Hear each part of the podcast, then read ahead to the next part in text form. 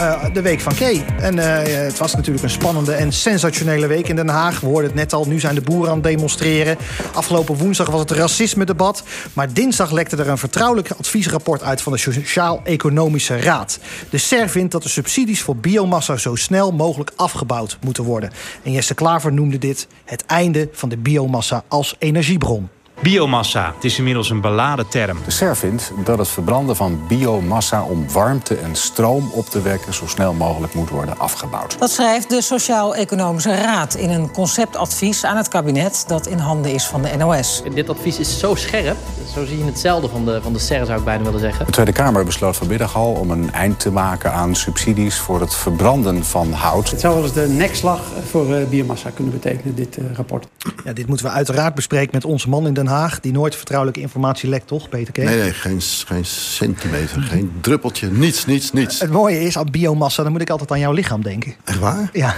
Dat is grappig, ik heb dat altijd met windmolenparken. Dan moet ik altijd aan jou denken. Hoezo dat dan? Horizonvervuiling. Ach, ja. nou toch. Voel je me niet aankomen? Nee, uh, maar biomassa, wat is er precies gebeurd? Uh, nou ja, er is dus een rapport uitgelekt van de SER. En dat is in de Telegraaf terechtgekomen. Ik heb hem hier bij me. Ja. Rem op advies. Het is nog niet naar buiten gebracht. Dus het is, het is ja, nog niet helemaal geverifieerde informatie. Kan het niet helemaal controleren. Wel mensen gebeld, willen nog niks bevestigen en zo. Maar ja, de Telegraaf heeft het. En als de Telegraaf het heeft, dan weet je dat het waar is meestal. Zeker. Uh, maar als de Telegraaf het uh, heeft, dan lezen politici dat ook.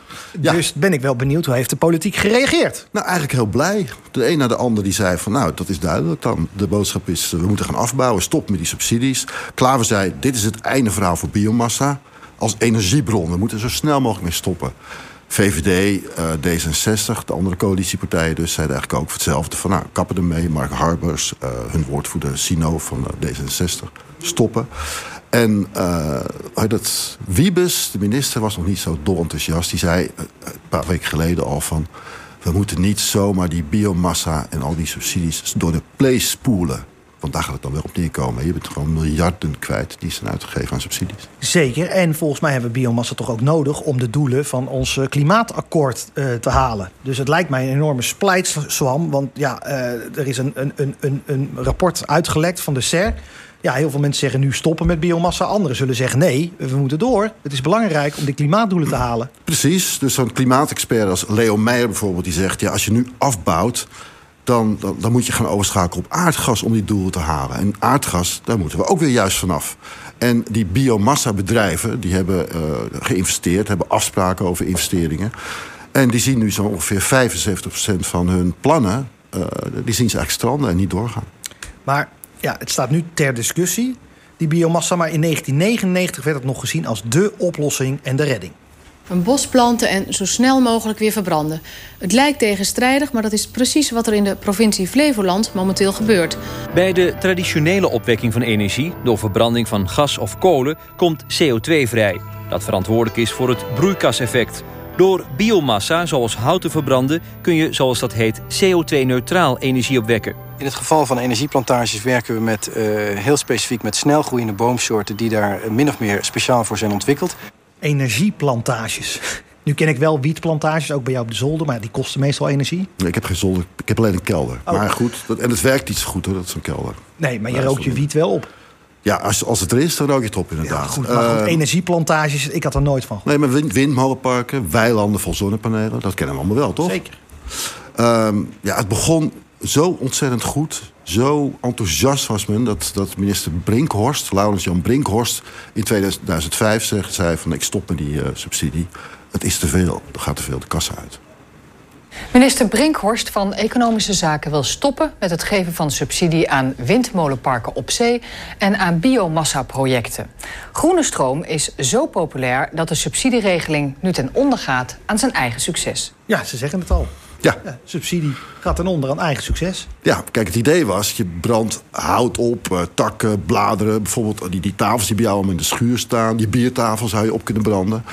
maar uh, niet dat je er gewoon dat bossen voor kappen hè, en zo. biertafel opbranden. Nee, dat weet ik wel. Dat, weet ik wel. dat is het laatste wat je doet. Ja. Um, maar zo'n, die bomen die groeien, die zouden dan ook CO2-neutraal opgestoot kunnen worden. Ze nemen CO2 op en als je ze verbrandt, dan komt er net zoveel CO2 vanaf. Dat is CO2-neutraal. Zeker, maar er was te weinig resthout. Dus uiteindelijk werd het zo populair dat biomassa... dat ze gewoon hele bossen gingen kappen, toch? Ja, en dat werd een beetje duidelijk zo rond uh, 2010 of zo. Toen doken ook uh, programma's hier erop. Sembla, Eén Vandaag brachten de nieuws over naar buiten. En het NOS-journaal pakte het ook op.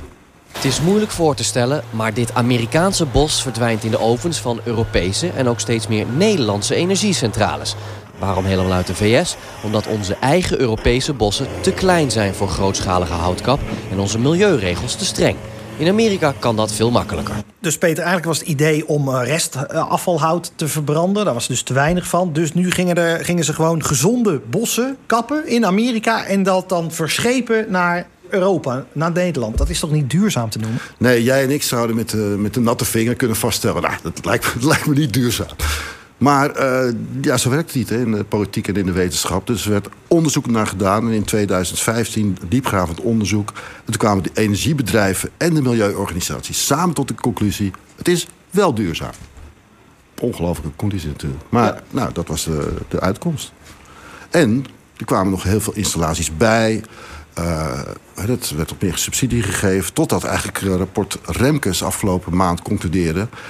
Uh, er zijn 219 installaties operationeel. Het is, en het blijft maar groeien. Het is gewoon enorm. Ja, zoveel, ja, zoveel centrales operationeel. We waren zelfs bang dat we te weinig biomassa zouden hebben. Het dreigt ook een groot tekort aan biomassa. In het klimaatakkoord wordt wel heel veel van biomassa uitgegaan. Dat zeggen de rekenmeesters van het kabinet. En toch waarschuwen wetenschappers dat er nauwelijks aandacht is voor hoe we aan meer biomassa gaan komen. In Nederland komt schone energie nu nog vooral uit biomassa, zoals plantenresten en mest. En van de totale hoeveelheid duurzame energie steeg het aandeel biomassa van 8 naar 61 procent. Oké, dus ze noemen het duurzaam. Er kwamen er ook maar centrales bij en centrales bij. Maar die discussie die, die bleef. En de tegengeluiden bleven ook maar komen. Ja, en in 2019 uh, ging Greenpeace spannen een kort geding aan. Uh, de biomassa van uh, dat bijstoken, dat zou niet duurzaam zijn. Ook bewoners rondom die centrales die vinden het uh, horizonvervuiling, maar ook heel vies. Belast van de fijnstof die eruit komt. En een Europese koepel van wetenschappers concludeerde ook dat die miljarden subsidies die Nederland uh, eraan besteedt, dat het eigenlijk weggegooid geld is. Maar dat is toch wel, dat is toch wel gek? Want twintig jaar geleden werd het nog gezien als dé oplossing. Nu is er heel veel kritiek.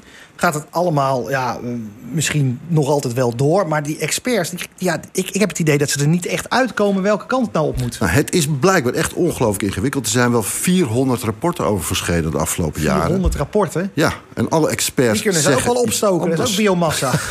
ja, dat schiet lekker op, ja. Um, maar ja, goed, het blijft dus onduidelijk. En nu de, de, de, de zo tegen adviseert...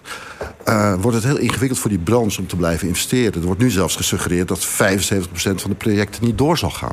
Ja, en dat terwijl er sinds 2018 minstens 2,6 miljard aan subsidies is toegezegd voor biomassa. Maar ook de consument is biomassa nu beu, kopte de Telegraaf gisteren. Uh, in mei kwam dan het Planbureau voor de Leefomgeving met een rapport. En daarin hebben ze maar liefst 150 organisaties en deskundigen gesproken. En 400 rapporten over biomassa bekeken. Laten we even kijken naar de conclusies van hen. Nou, als je de klimaatdoelen wil halen, hè, als je dus die anderhalve graden opwarming, eh, als je daar niet bovenuit wil komen, dan is biomassa wel een hele voor de hand liggende optie. Want doe je dat niet, dan betekent dat dat je dus uh, op andere treinen veel meer uit de kast moet halen dan we nu al doen. Dit was vorige maand, hè? Ja. Dus het Planbureau voor de Leefomgeving is dus voor.